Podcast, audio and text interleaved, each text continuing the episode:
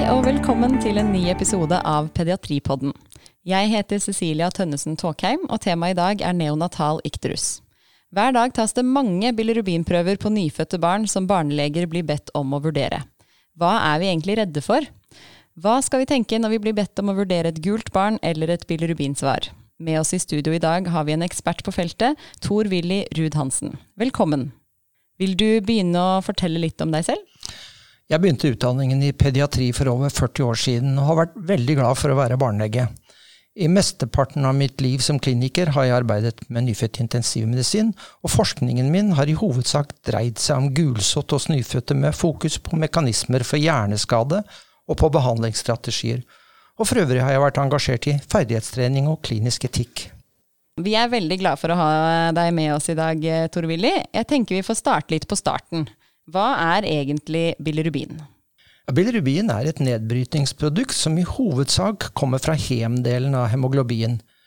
Bilirubin produseres fra hem hele tiden fordi de røde blodlegemene har begrenset levetid og brytes ned.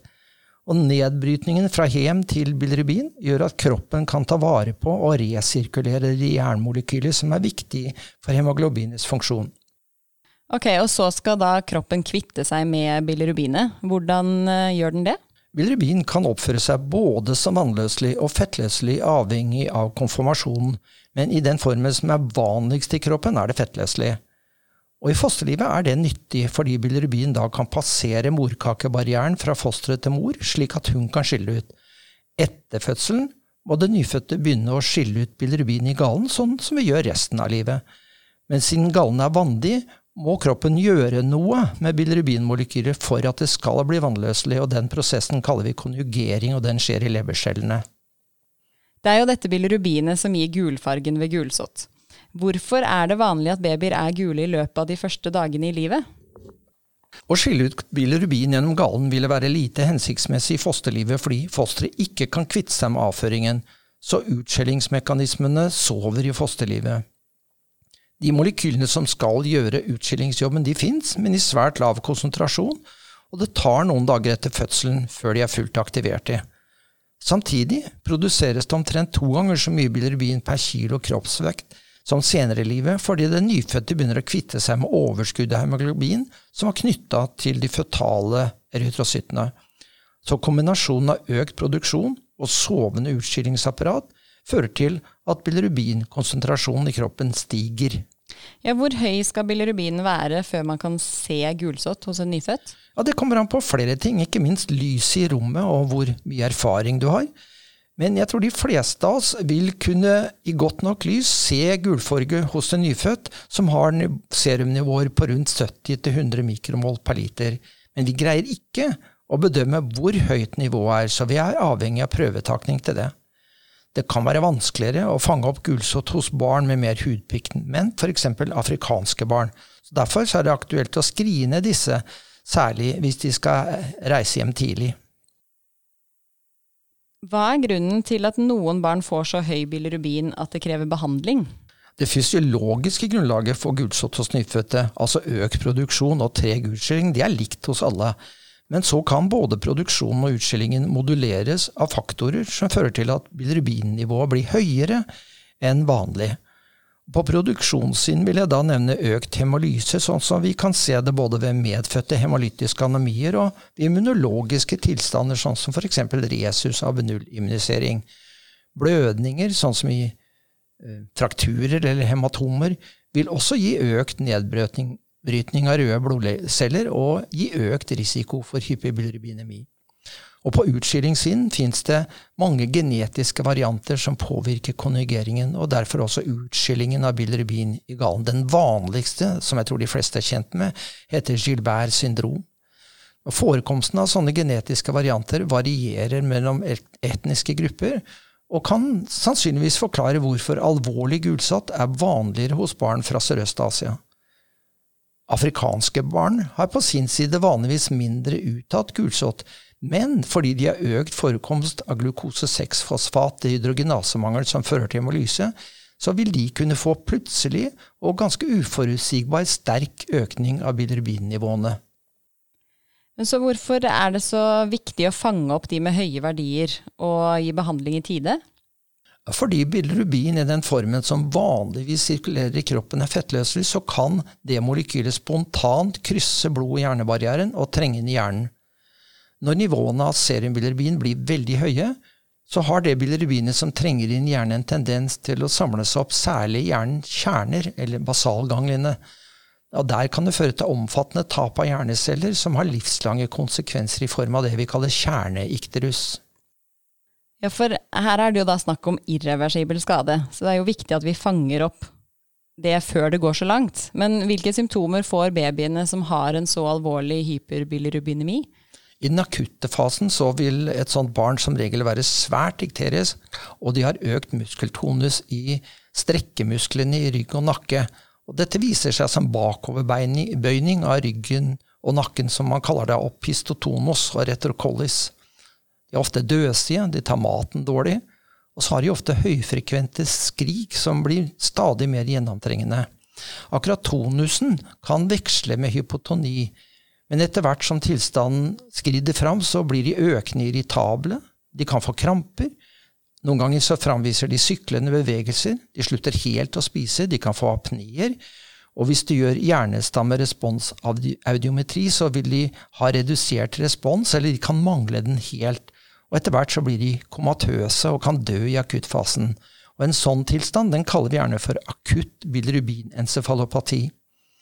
I vår del av verden så venter vi at de fleste overlever akuttfasen med intensivbehandling, men så vil mange utvikle sekveler i form av ekstrapyramidale bevegelsesforstyrrelser, sånn som dystoni og atetose. Lammelse av evnen til å løfte blikket over horisontalplanet hevdes å skille kjernerikt ikterus fra andre former for CP. Mange har hørselstap med såkalt auditiv nevropati. Og på sikt så vil det vise seg at mange har tannemaljedysplasi. Og de nevrologiske sekvelene de endrer seg ofte gjennom de første leveårene. Har vi så alvorlige tilfeller i Norge i dag? Ja, dessverre så forekommer det fremdeles tilfeller av dette også i Norge. Og det som går igjen i de tilfellene, er at det har vært forsinkelser i forløpet som har gjort at behandlingen har kommet i gang for seint. Så vi har en jobb å gjøre ved å bli så flinke at tallet blir null. Hvis man da ser for seg en vanlig hverdag som barnelege, hva gjør man når man ser en nyfødt som ser gul ut? Ja, Hvordan man forholder seg, er helt avhengig av hvor gammelt barnet er, om barnet er født før tiden, hva mors resus av og null-gruppe er. Kanskje finnes det en familiehistorie for gulsott eller hemolytisk anemi. Kanskje har barnet eh, symptomer eller funn i tillegg til gulsotten. Og I tillegg, for deg som barnelege, så er bakgrunnen for hvorfor du får forevist dette barnet, en nøkkel til hvordan du bør reagere. Hvis du f.eks. blir vist dette barnet fordi hun eller han spiser dårlig, så bør det innlede en tankeprosess som er annerledes enn hvis du blir bedt om å se på barnet for å godkjenne at det reiser hjem.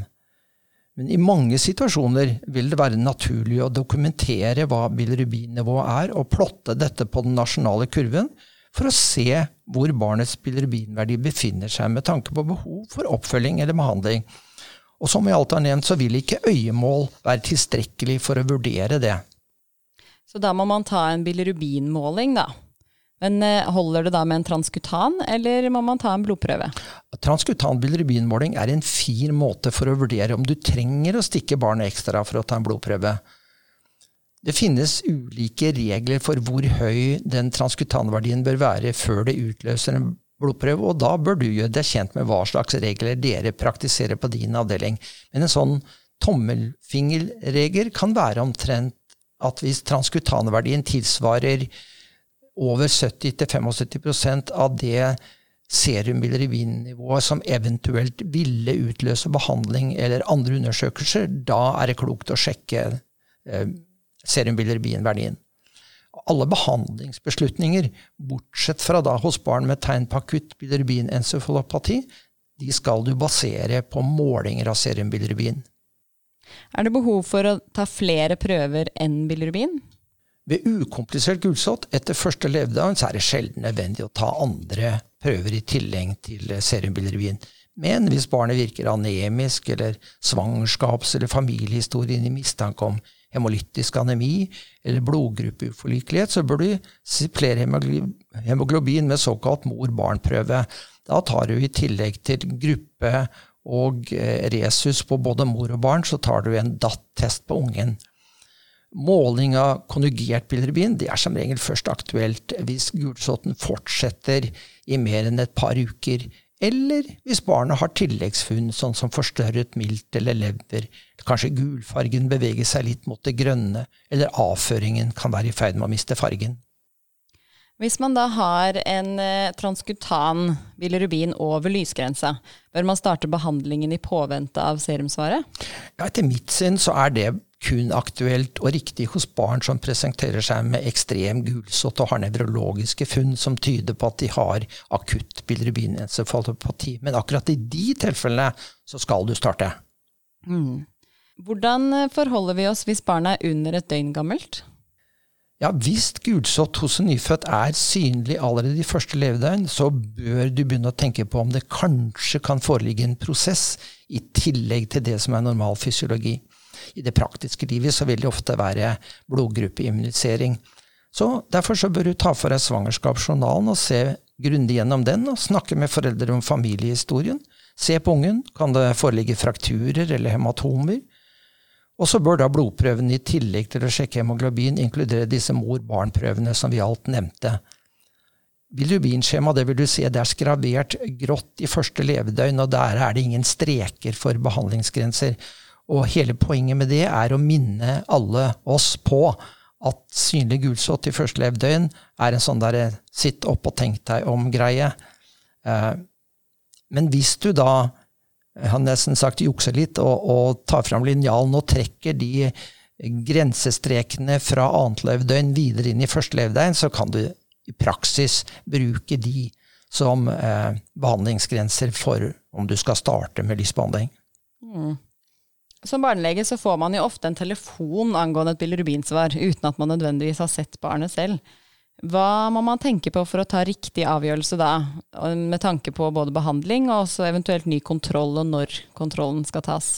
Ja, den første tanken som bør falle deg inn, er at et isolert bilirubinsvar nesten aldri er tilstrekkelig grunnlag for en beslutning så sant du da ikke ringes om, om et serumbilirubinsvar på over 300-350, eller et barn som er veldig gult og har nevrologiske symptomer.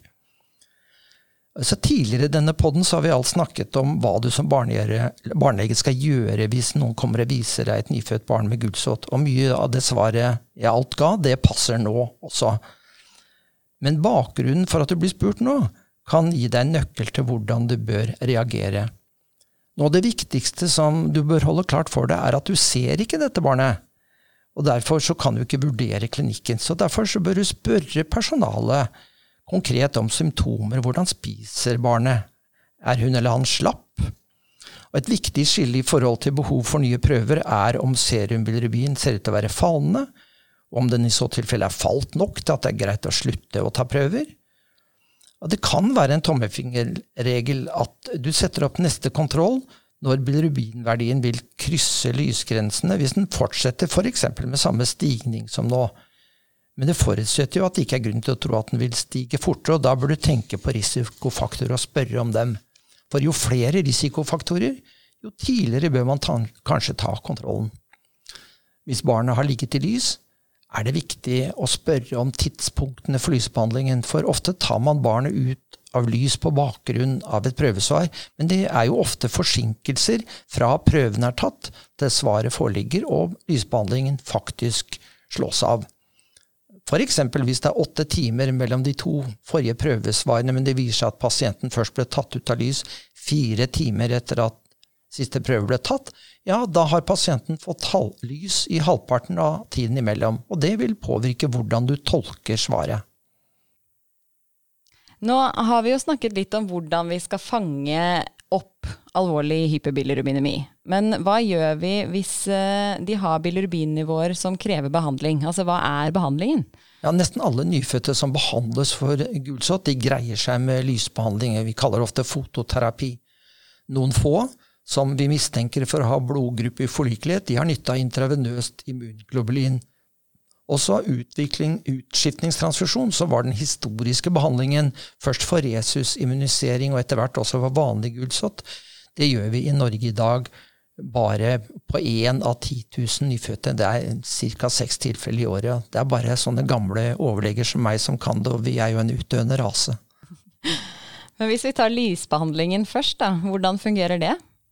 Ja, Lysbehandlingen virker ved at fotoner som treffer bilirubinmolekyler som sirkulerer i hudens kapillærer, de kan endre molekylenes isomere struktur, slik at sidekjedene som vanligvis er bundet til hverandre innad i molekylet, nå roteres ut, og så blir de tilgjengelige for å hektes på vannmolekyler. Og Det gjør da at fotoisomerene blir vannløselige. Og Sånn kan de skille ut skilles ut i urin og galle uten å trenge konjugering. Som andre ord, lysbehandling lager en snarvei forbi konjugeringsdefekten. Hmm.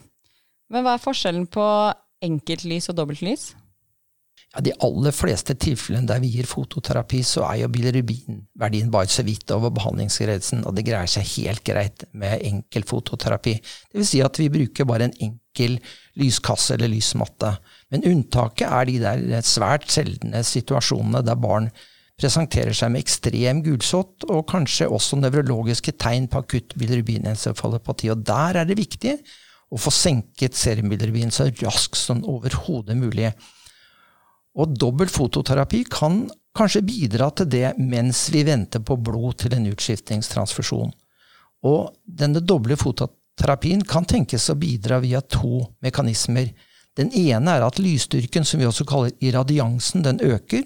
Og det andre er at det hudområdet vi bestråler effektivt, vil eh, øke. Altså det vil si kapillærsingen i hud, det samme hudområdet. Og sammen vil det føre til at vi øker det vi kaller den spektrale styrken, som er i radiansen multiplisert med størrelsen av bestrålt hudområde. Ulempen ved dobbel fototerapi i vanlig daglig praksis, eh, i hvert fall når vi bruker lyskasser, er at disse apparatene tar jo plass. da. Mm. Og det blir ganske kjelkete å komme til barnet for vanlige pleie- og behandlingsprosedyrer. Mm. Og Hva skal barna ha på seg når de ligger i lys? Ja, Der er det viktig å tenke på at lysbehandling kan bare virke på hud som får lys på seg. Eh, så derfor vil all tildekning av hud med klær og luer og sånn vil redusere den spektrale styrke som vi nettopp snakket om. Bleier er greit å bruke, for det blir jo søl uten, da. Men de kan brettes ned eller klippes til, sånn at de dekker så lite hud som mulig. Men husk nå på, det skarpe lyset kan skade retina, netthinnen, hos de nyfødte, så de må ha på seg øyebeskyttelse når de ligger i lyskasse. Mm. Og hvor lenge skal de ligge i lys, da? Ja, vi har jo nå skjønt at fototerapi er en biologisk aktiv behandling. Den gjør noe med molekyler i kroppen, så det er en behandling som vi ikke bør slumse med. Altså akkurat som vi doserer antibiotika og andre medisiner nøyaktig og omhyggelig og regner på milligram av hva vi ikke gjør, så bør vi gjøre det samme med fototerapilys. Det vil si at behandlingen bør vi ikke starte før serumbilirubinverdien har passert behandlingsgrensen, og så stanser vi den så snart denne verdien har falt til under 20 mikromål per liter eller mer under lysgrensen. Og så innrømmer jeg uten videre, som har vært med på å lage den i kurven, at tallet 20 det har vi dratt opp på en hatt. Men det er et pragmatisk valg der hensikten er å holde varigheten av fototerapi så kort som mulig. Når skal man da ta kontroll etter oppstart av lysbehandling? Ja, da er min målsetting at barna skal ligge kortest mulig i lys. Så hvis vi, hvis vi, kan kalle det meste av det vi gjør som rutinemessig fototerapi, så ville jeg tatt en ny prøve etter seks timer, i hvert fall ikke mer enn tolv timer. Mm. Men så vet jeg at mange barnelegekolleger og sykepleiere har et sterkt fokus på å redusere stikking, og så syns du at mitt forslag fører til at man stikker for ofte. Og foreløpig så kan verken de eller jeg vise til noe evidensbasert svar på om det er mer barnevennlig å ligge kortere i lys eller mer barnevennlige å redusere antallet stikk. Unntaket fra det jeg nettopp har sagt, er de få barna som kommer til oss med ekstreme bilirubinverdier, si fra skiftegrensen og opp. For hos de barna bør man i den første fasen ta en ny prøve allerede etter et par timer for å dokumentere responsen, og så justerer man hyppigheten etter hvor raskt bilirubinverdien faller. Kanskje gir du intravenøst immunglobulin, kanskje gjør en utskifting, og det bør bestemme intervallet mellom prøvene. Og jeg hører jo at du er opptatt av at det ikke skal uh, ligge lenger enn nødvendig, men betyr det at det er noen bivirkninger av å ligge for lenge? Ja, det er publisert ganske mange artikler om bivirkninger av fototerapi. Og noen av de bør vi ha med i bakhodet når vi doserer lys. Og en av de som de de siste åra har vært knyttet veldig mye oppmerksomhet til, er en samarbeidsstudie innenfor det store amerikanske nettverket i National Institute of Child Health og Der fant man etter grundig analyse at en gruppe av premature med fødselsvekt under 750 gram som lå på respirator, og som fikk det de kalte aggressiv fototerapi, dvs. Si de ble behandla ved lavere bilirubingrenser. Og I praksis så endte de jo da opp med å få lengre varig behandling. De hadde høyere dødelighet enn de som fikk mindre pågående behandling, som altså varte kortere.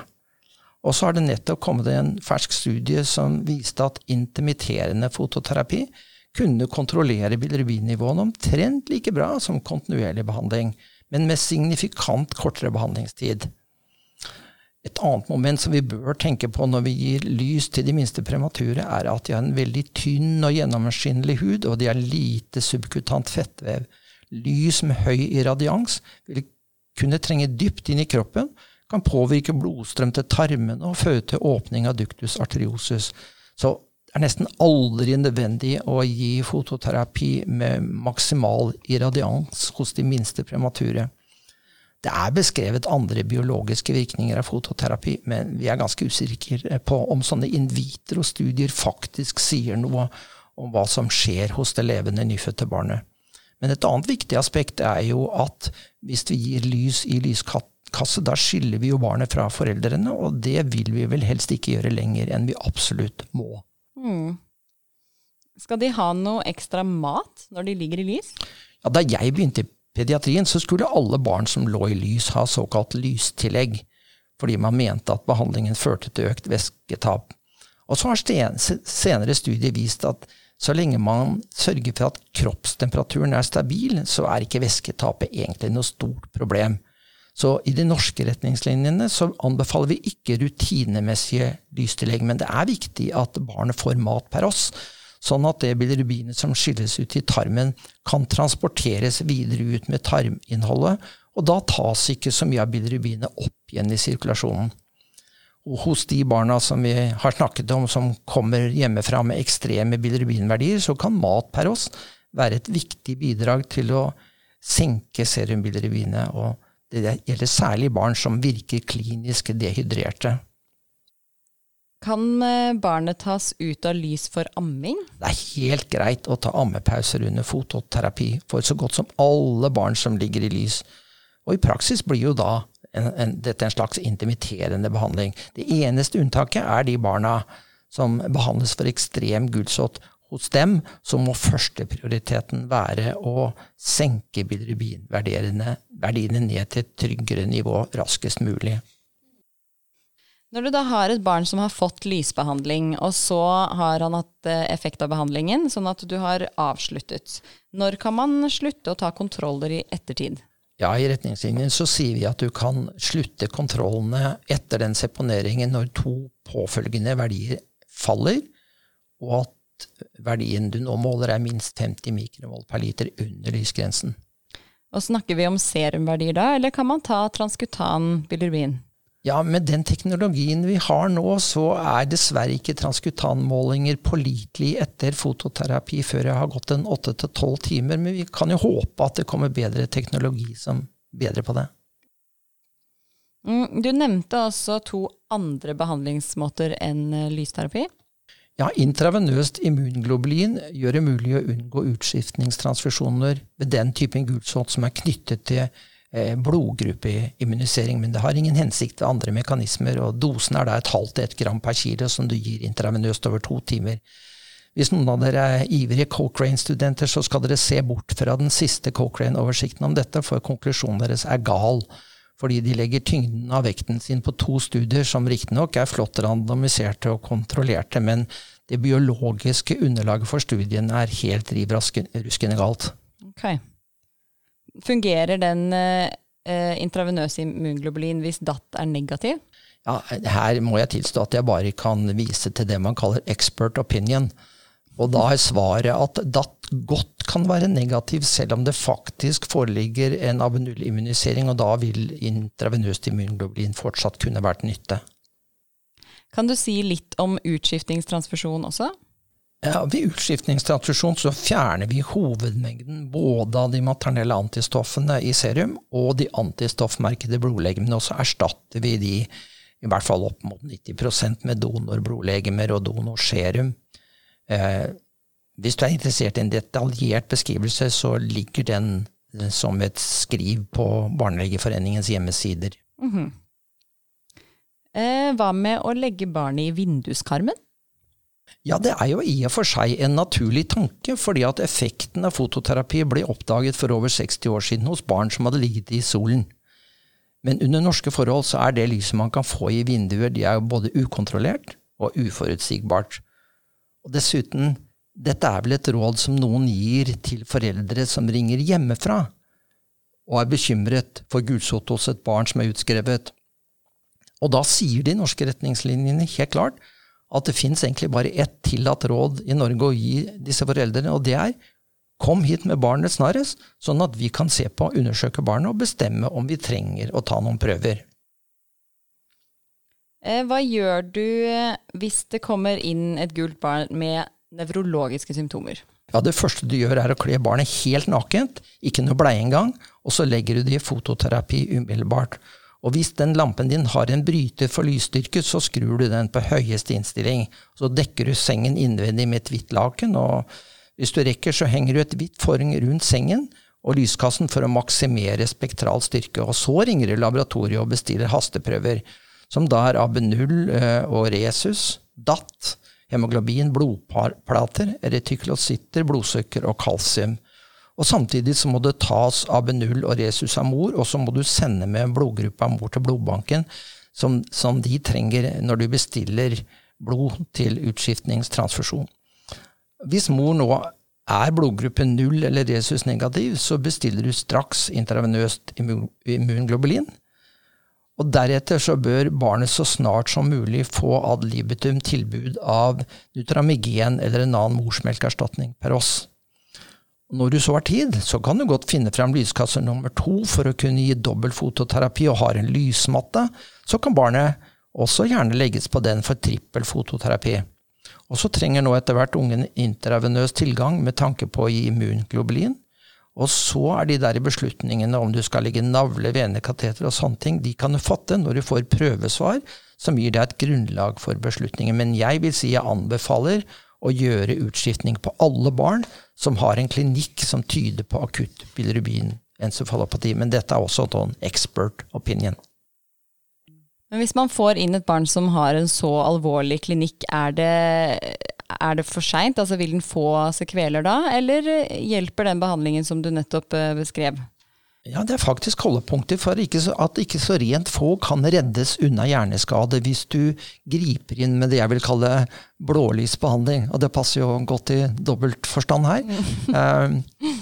vi, jeg publiserte sammen med noen europeiske kolleger faktisk syv tilfeller for noen år siden som alle kom inn med akutt bilirubin-encefalopati, og alle overlevde uten skade. Så bra. Nå har vi jo allerede snakket litt om hva behandlingen er, men for å vurdere da om vi trenger den behandlingen, så bruker vi jo dette skjemaet som du har referert til noen ganger. Um, det er jo et skjema der vi har ulike grenser for når barnet trenger behandling, ut fra gestasjonsalder og vekt. Hvordan fant man egentlig ut av disse lysgrensene? Ja, Disse grensene for terminbarn de baserer seg egentlig på data fra 1950-tallet. Da bestemte man seg for å gå gjennom et stort materiale av barn som hadde fått utskiftningstransfusjoner, og så fant man at risikoen for å få kjerneekterus var ganske nøye knytta til serumbilirubinverdiene. Og hvis du først bikka 20 mg per desiliter, som er 342 mikromål per liter, da begynte risikoen å bli betydelig. Og så er datagrunnlaget for de premature er basert på autopsifunn av gule hjerner hos premature som døde egentlig av andre grunner. Men alle det vi kaller bilrubinologer vil uten videre og villig innrømme at dette datagrunnlaget er veldig svakt. Altså. Mm. Dessverre så har vi ingen etisk forsvarlige muligheter til å kunne studere dette på nytt, så vi må leve med disse strekene sånn som de er. Ja, men Er det da rom for skjønn når man vurderer ut ifra disse strekene? Ja, altså, jeg vil si at jeg anbefaler å unngå synsing. For hvis vi først begynner å synse, ja, så utvikler det seg ulike synsetradisjoner, og så har vi mista den fordelen som ligger i at vi faktisk har nasjonale retningslinjer. Mm. Og disse lysgrensene de flater jo veldig sånn plutselig ut på skjema. Hvorfor gjør de det? Altså, Den oppadstigende delen den etterligner jo egentlig den normale stigningen i serumbilirubin i de første tre levedøgn. Og så flater den ut på et nivå der vi tror at faregrensen ligger. Mm. Så enkelt sagt så kan du si at i de tre første døgnene så behandler vi stigningstakten i bilirubin snarere enn det absolutte nivået.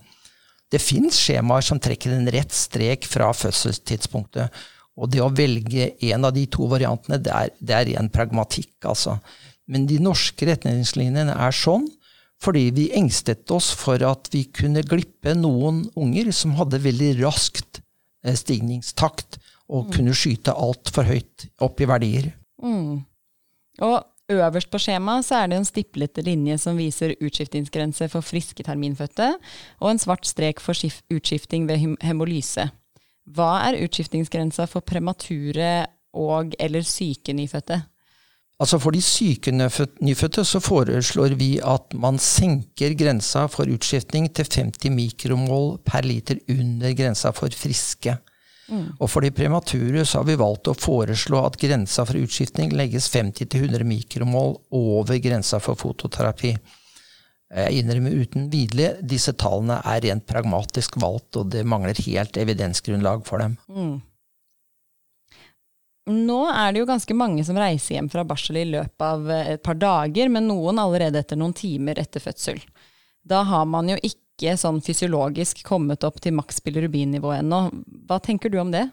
Ja, der tenker jeg at Tidlig hjemskrivning kan sikkert være fint for mange, men det vi må huske på, er at vi flytter nå observasjonen for viktige tilpasningsfenomener til hjemmet. Det er ikke alle foreldre som vil være like trygge eller kompetente.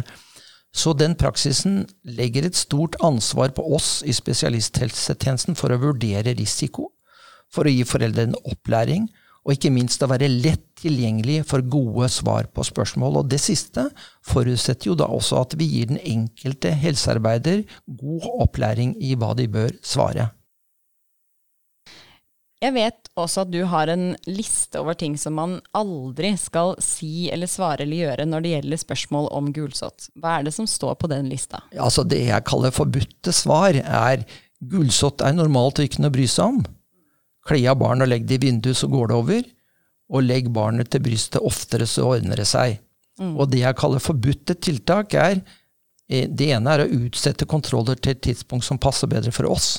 Og det andre er å henvise til barnet, barnet til helsestasjon eller andre. Men så hva skal du gjøre da, om eh, foreldre ringer inn til barsel og er bekymret for øh, om barnet har blitt mer gult etter hjemreise? Og da skal de få beskjed om å komme og vise fram barnet, slik at vi kan vurdere det og bestemme om vi trenger å ta en transkutalmåling, eller kanskje til og med en blodprøve. Nå har vi jo snakket eh, om neonatal ikterus, altså gulsott hos nyfødte de første dagene. Vi kommer litt mer inn på ikterus hos eldre barn i en annen episode, men kunne du sagt bare litt om prolongert ikterus, og hvordan det skiller seg fra det vi allerede har snakket om? Det hender ikke helt sjelden at gulsott kan vedvare utover de første par leveukene, og hyperbilirubinemi kan vare enda lenger. Men i de fleste tilfellene så dreier det seg om det vi kaller morsmelkassosiert gulsott, som hos nesten alle er et helt uskyldig og forbigående tilstand. Men vi må ikke glemme, det er faktisk beskrevet kjerneikterus også hos barn med denne typen gulsott. Så vi må gi foreldrene god informasjon, og så må vi sikre oss at bilirubinnivåene er fallende. Og foreldrene må få åpen dør hvis de syns at barnet blir gulere eller slappere. Mer sjeldne metabolske tilstander og medfødte infeksjoner kan ledsaget av vedvarende gulsott. Ikke sjelden vil de barna ha forstørret lever og mild, og de vil ofte virke syke. Og så er gallegangsatresi er jo en svært sjelden tilstand, men der er nøkkelfenomenet at avføringen begynner å miste farge. Og det funnet må føre til umiddelbar innleggelse og utredning. Da begynner vi jo egentlig å nærme oss slutten her, Tor-Willy. Det har vært veldig, veldig fint å ha deg med.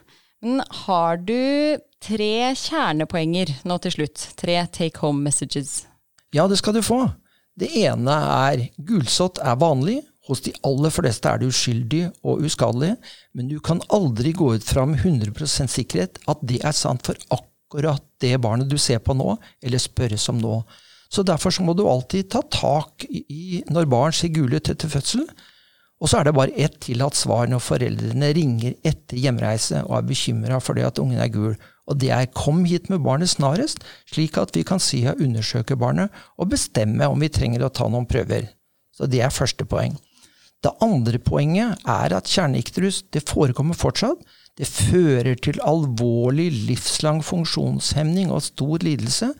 Og så er det vårt ansvar å prøve så godt vi kan å bidra til at forekomsten blir så nær null som vi kan få til. Og det tredje poenget er at selv når det foreligger tegn på akutt bilirubinencefalopati, så kan det være mulig å reversere tilstand og unngå skade. Men da må vi gripe inn og behandle dette som en akutt medisinsk tilstand. Tusen, tusen takk for at du ville være med oss uh, i dag, Tor Willy. Jeg har i hvert fall lært veldig mye om neonatal ikterus, og det håper jeg at de der hjemme også har gjort.